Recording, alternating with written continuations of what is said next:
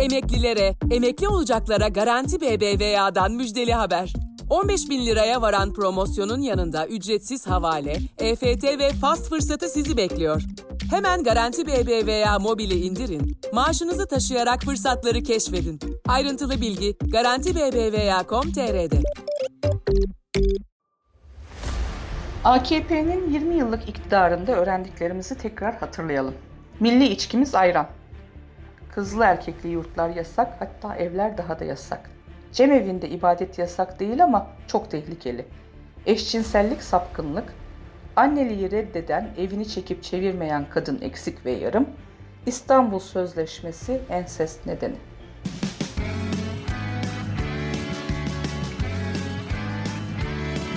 Kulağınız bizde olsun. Kısa Dalga Podcast. Türkiye Ekonomi Politikaları Araştırma Vakfı TEPAV, Orta Doğu ve Orta Asya Araştırmaları Enstitüsü Direktörlüğü görevini yürüten ilahiyatçı Profesör Doktor Hilmi Demir, Türkiye'nin en geniş katılımlı olduğunu ifade ettiği radikalleşme anketinde halkın laiklik ve demokrasi algısının sonuçlarını bizimle şu şekilde paylaşıyor. Türkiye Ekonomi Politikaları Araştırma Vakfı olarak Türkiye'nin en geniş katılımlı radikalleşme anketini e, gerçekleştiriyoruz. E, bu anketin ilkini 2016 Mayıs ayında yaptık. İkincisini de 2020 Mayıs ayında tekrarladık. Anketimiz yaklaşık 7200 bir örnek grupla yüz yüze görüşülerek yapılıyor. Bu ankette gördüğümüz en önemli hususlardan bir tanesi 2016 yılından itibaren yani 2016'dan 2020'ye geldiğimizde e, laiklik ve demokrasiye olan e, toplumsal desteğin e, arttığını gözlemlemek oldu. E, şimdi ilk olarak 2016'da yaptığımızda Türkiye'de laikliği laikliği destekleyen grubun oranı 70 %74.8 çıkmıştı. 2020'de ee, ise e, bu destek oranı %80.8'e çıktı. Yine demokrasi konusunda da 2016 e, yılında demokrasi olan toplumsal destek %83 iken e, bu destek 2020'de yine hemen hemen aynı oranlarda seyretti. Fakat burada en önemli şey kuşkusuz e, laikliği olan desteğin artmış olmasıydı. Bu açıdan baktığımızda Türkiye'nin e, sosyolojisinde e, ister muhafazakar olsun, e, ister dindar olsun, e, ister milliyetçi olsun, ister e, seküler olsun, toplumun e, büyük bir e, kesimi e, laiklik ve demokrasiye olan e, desteğini sürdürüyor. Hatta bu giderek de artıyor. Tabii e, bunun artmasının benim kanaatime göre e, birçok nedeni var. Bunlardan bir tanesi, daha doğrusu iki tanesinin çok etkili olduğunu düşünüyorum. Birisi çevremizde ve coğrafyamızda yaşadığımız DAEŞ terör örgütünün tehdidi. Diğeri ise 2016'da 15 Temmuz'da yaşadığımız FETÖ darbe teşebbüsü. Her iki olayda Türkiye'de laiklik ve demokrasi olan güvenin artmasına, desteğin artmasına ciddi anlamda katkı sağladığını düşünüyorum. Bu açıdan bakıldığında aslında Türkiye'de e, Türkiye'nin özellikle merkezinde yer alan, merkez siyasetinde yer alan toplumsal kesiminin e, büyük oranda laikliğe ve demokrasiye desteğinin giderek arttığı ve sürdüğünü e, söyleyebilirim. İktidarın laiklikle sınavını çıraklık, kalfalık ve ustalık dönemine göre analiz eden iletişimci ve CHP 24. dönem İstanbul Milletvekili Melda Onur, AKP'nin son dönemdeki kritik kararları, Ayasofya ve Taksim Camii açılışlarında yaşananlar, İstanbul Sözleşmesi, yaşam tarzlarına müdahale olarak nitelendirilecek uygulamaları şöyle değerlendiriyor. AKP iktidarı en başından itibaren e, devlet yönetiminde e, laikliğe, e, toplumsal hayatta da belli bir yaşam tarzına yani bizim seküler dediğimiz yaşam tarzına karşı bir e, tavır takındı. Ancak ilk başlarda e, tutunabilmek için liberallerle, toplumun işte e, AKP'yi kabul eden kesimiyle işte bu insanlar yasaklarla, yoksullukla, e, yolsuzlukla mücadele edecekler diyerek e, kredi veren kesime karşı bir şekilde toplumda yer bulmak için, tutunmak için bu amaçlarını bir nebze sakladılar ama hani kalfalık ve ustalık dönemi dediğimiz yıllarda iyice açığa çıktı. E, bunu e, özellikle hem toplumsal hayatta hem de devlet kadrolarının dönüşümüne baktığımızda görebiliyoruz. E, imamların, cemaatlerin e, devlette daha çok yer alması, e, imamların her konuda fetva verir olmaları, yaşam tarzlarına dönük işte şeytanlaştıran, korkutan, işte cehennemi gösteren, cenneti gösteren bir takım açıklamalar yapmaları, hukukun dışında, normal evrensel hukukun dışında bir şeriat hukukuna dönük e, söylemlerde bulunmaları ve bunların e, bir ifade özgürlüğü olarak e, kabul edilmesi. Tüm bunlar devlet yönetiminde aslında yavaş yavaş e, e, uzaklaşmak istenildiğinin göstergeleriydi. Bugün geldiğimiz nokta e, bunu açıkça göstermektedir. Atatürk burada çok önemli bir semboldür. Laikliğin de bir sembolüdür.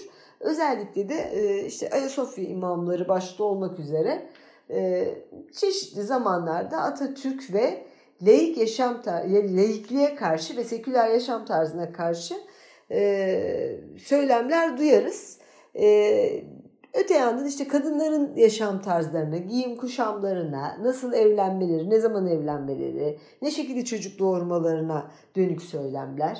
Kız çocuklarının e, eğitimlerinin kısıtlanmasına dönük gayretler. Bunu doğrudan yapmazlar ama bir kılıf uydurarak bir şekilde yaparlar.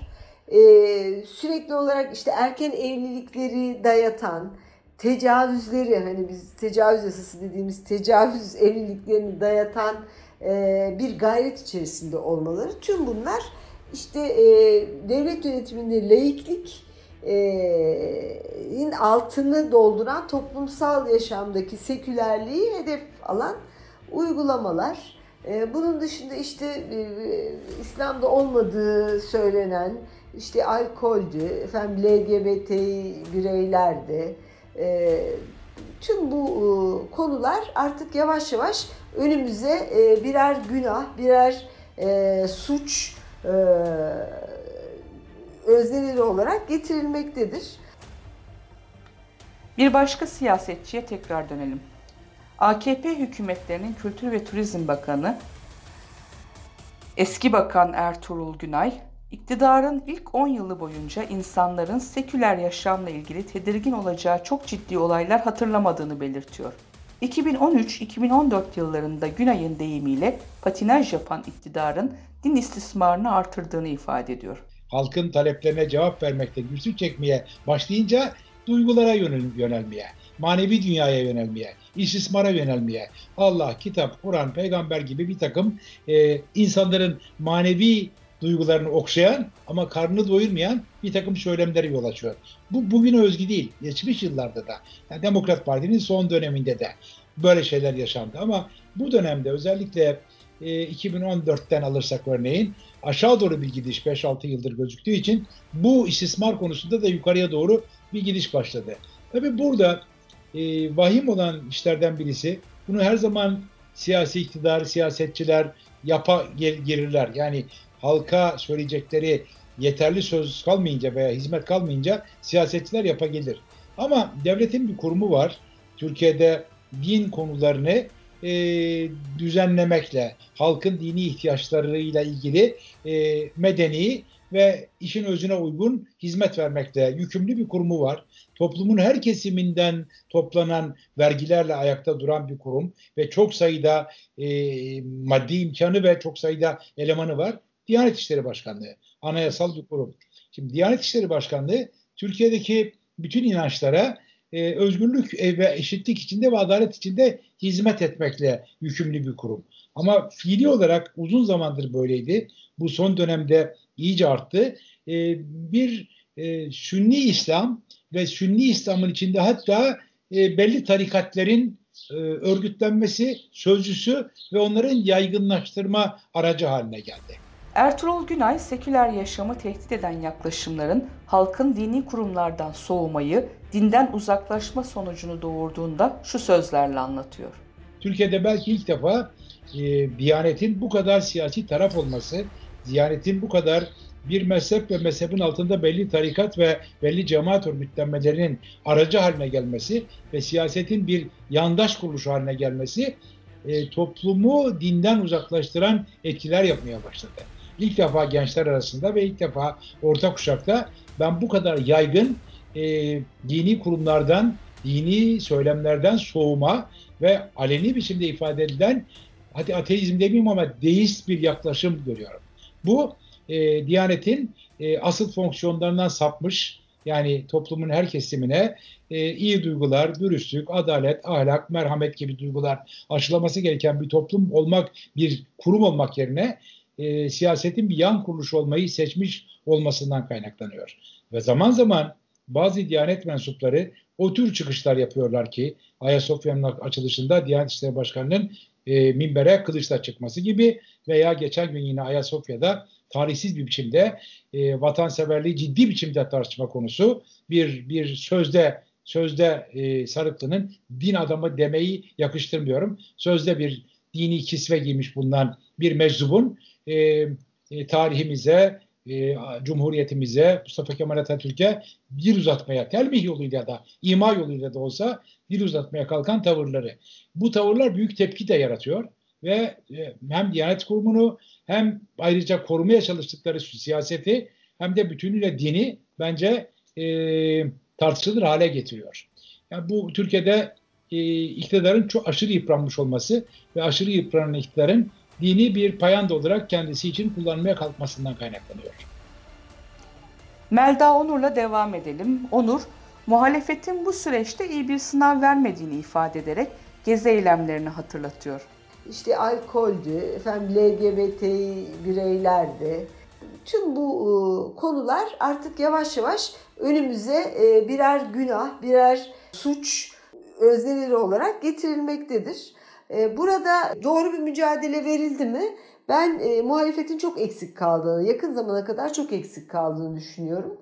E, özellikle e, bu alkol konusunda en başından itibaren bir karşı duruş sergilenemedi. Kadınlarla ilgili olarak evet kadın örgütleri mücadele ettiler.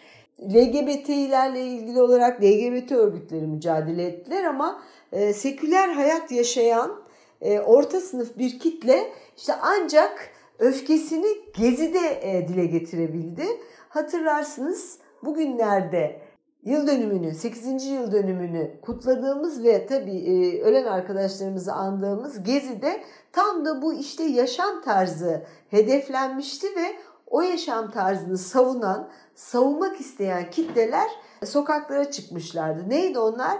İki ay yaş dendiği için bu ülkenin yöneticilerine bu yaşam tarzını benimseyen insanlar sokaklara çıktılar. İşte Atatürk'e dil uzatanlara karşı Atatürk bayraklarıyla çıktılar.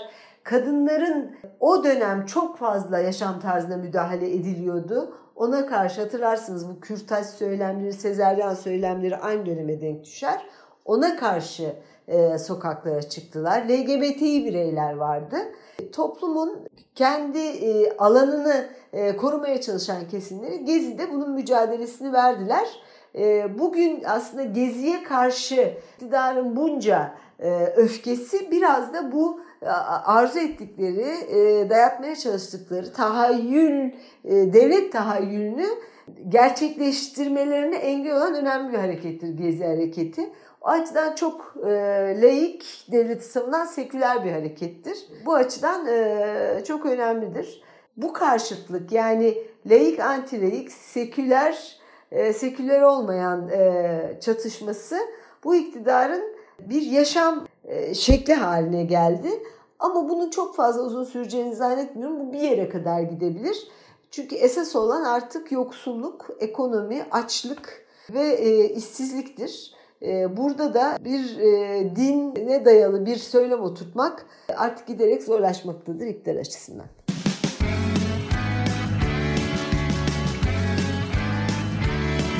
Kulağınız bizde olsun. Kısa Dalga Podcast.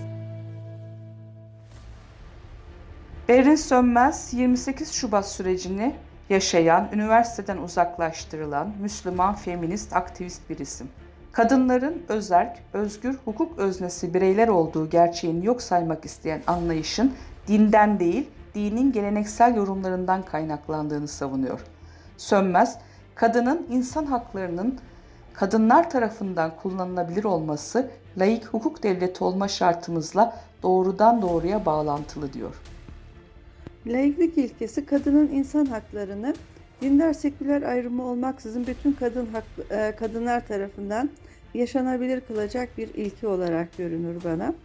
E, laiklik ilkesinin e, uygulanması ile e, kadını sınırlayan, kadın haklarını e, aşındıran e, dini ve kültürel değerlerin e, toplum hayatını düzenleyecek e, güçten e, uzaklaşması mümkün olur. Yani kadınların aile ve kültür ile, din ile sınırlandırıldığı düzeni önleyecek tek şey laikliktir aslında. Tabii ki bir hukuk devleti e, normlarının uygulanması da laiklik ilkesiyle doğrudan doğruya ilişkili. E, bunun için kadının insan hakları açısından son derece önemli.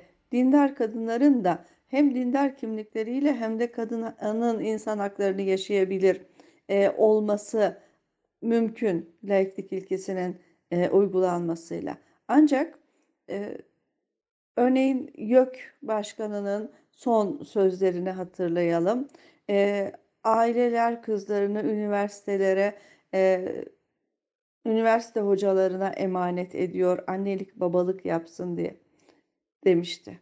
Bu sözler aslında üniversite öğrencisi erkek çocuklarına, gençlere, erkeklere herhangi bir şey söylemiyor. Sadece kadınların hayatlarını sınırlayacak bir şekilde e, düzenliyor. Yani reşit olmuş bireylerin kadın oldukları takdirde hala üniversite hocaları tarafından annelik babalık tarafından babalık sayıkı ile yönetilmesi gerektiği anlayışını hakim.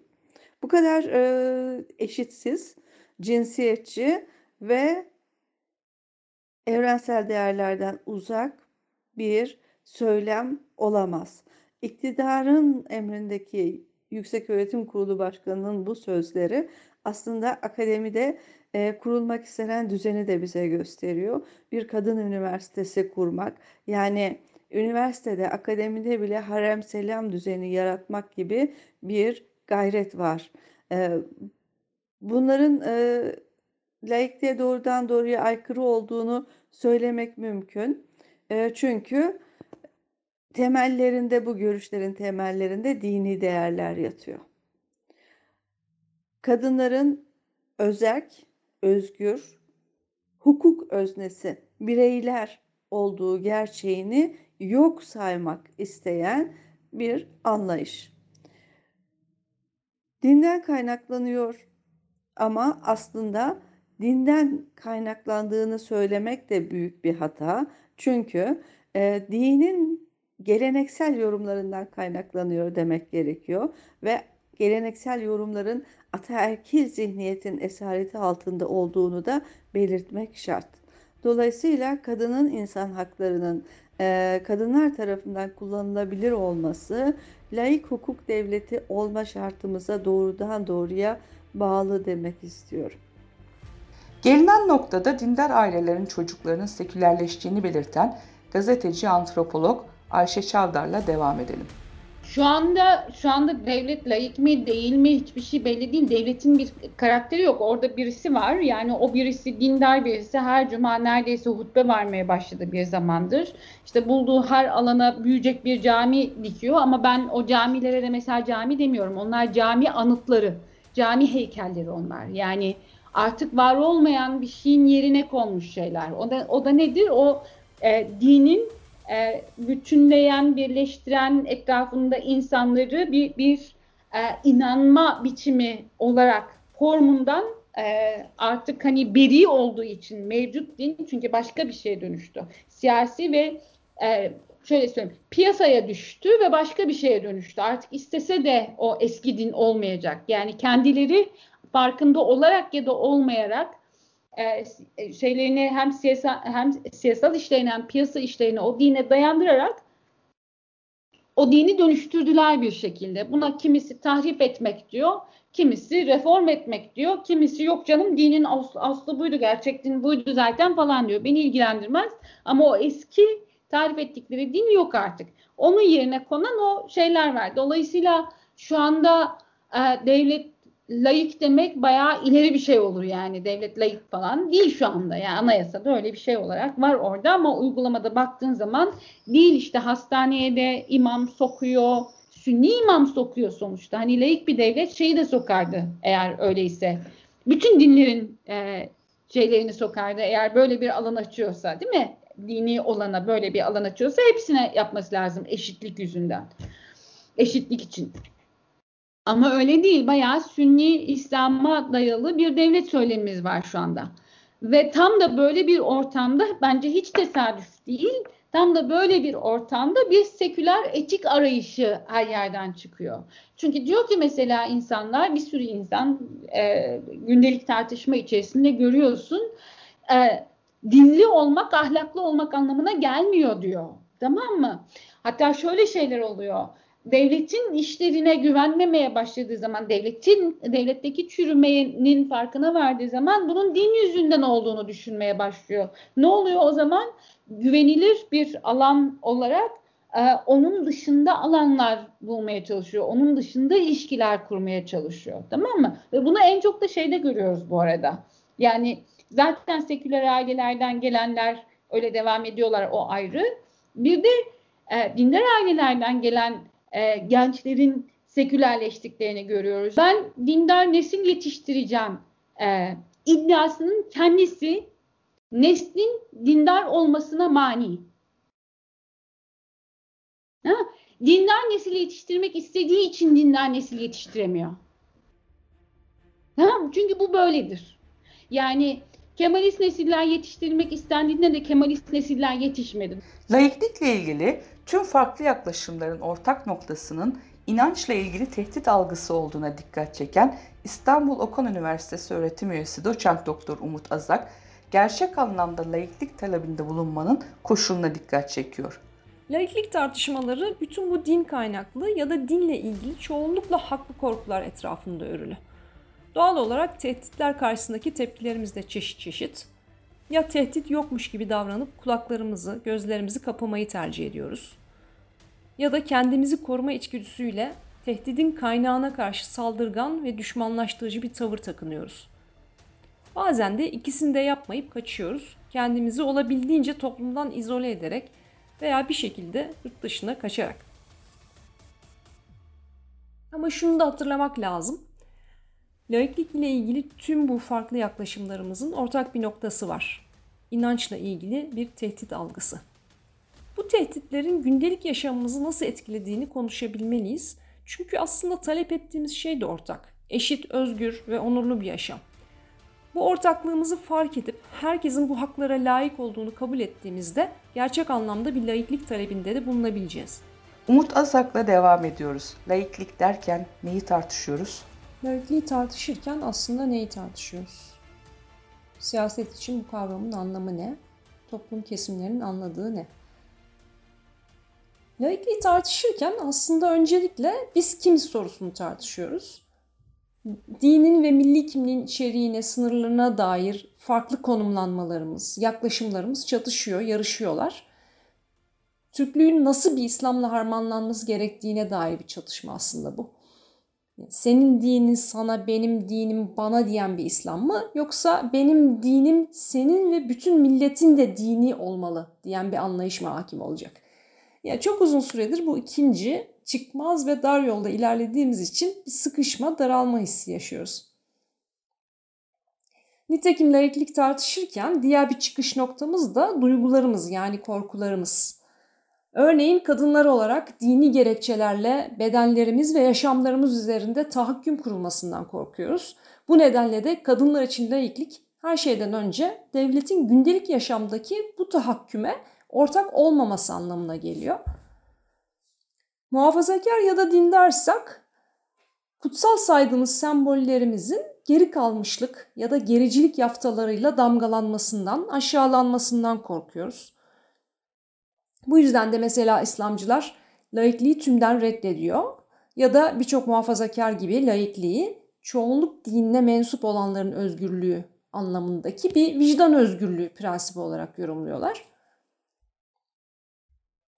Alevi ya da azınlık dinlerinden birine mensupsak, sünni pratiklerin gündelik yaşamda, okullarda, iş yerlerinde giderek artan şekilde egemen hale gelmesinden dolayı daha da fazla mar- marjinalleştirilmekten ve sessizleştirilmekten korkuyoruz.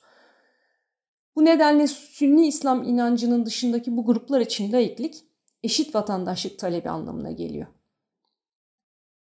Atatürkçüysek İslam'ı bayraklaştıran, sloganlaştıran liderlerin kitleleri manipüle ederek devleti tamamen ele geçirmesinden ve Avrupalık iddiamızın sona ermesinden korkuyoruz. Çünkü Atatürkçü perspektiften laiklik hem Müslüman hem de arzulanan batılı kimliğin bir arada olabilmesinin bir teminatı. Dinsizsek ya da inançsızsak öldürülmekten korkuyoruz. Kendini herhangi bir din ya da inançla tanımlamak istemeyenler için laiklik temel yaşam haklarının bir garantisi anlamına geliyor. Beşinci bölümde söz ötekileştirilenlerin, Türkiye'de Müslüman olmayanlar, dindar olmayanlar, laikliğin geriletilmesi konusunda ne düşünüyor? Şalom Gazetesi Genel Yayın Yönetmeni Ivo Molinas, akademisyenler Umut Azak, Hakan Mertcan, Milletvekili Ali Kenanoğlu ile gazeteci Sedat Bozkurt anlatacak.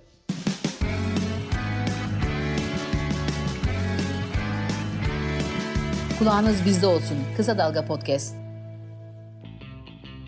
Kısa Dalga podcastleri Demet Bilge Erkasab'ın editörlüğünde Mehmet Özgür Candan'ın post prodüksiyonu ve Esra Baydemir'in hazırladığı görseller ile yayınlanıyor.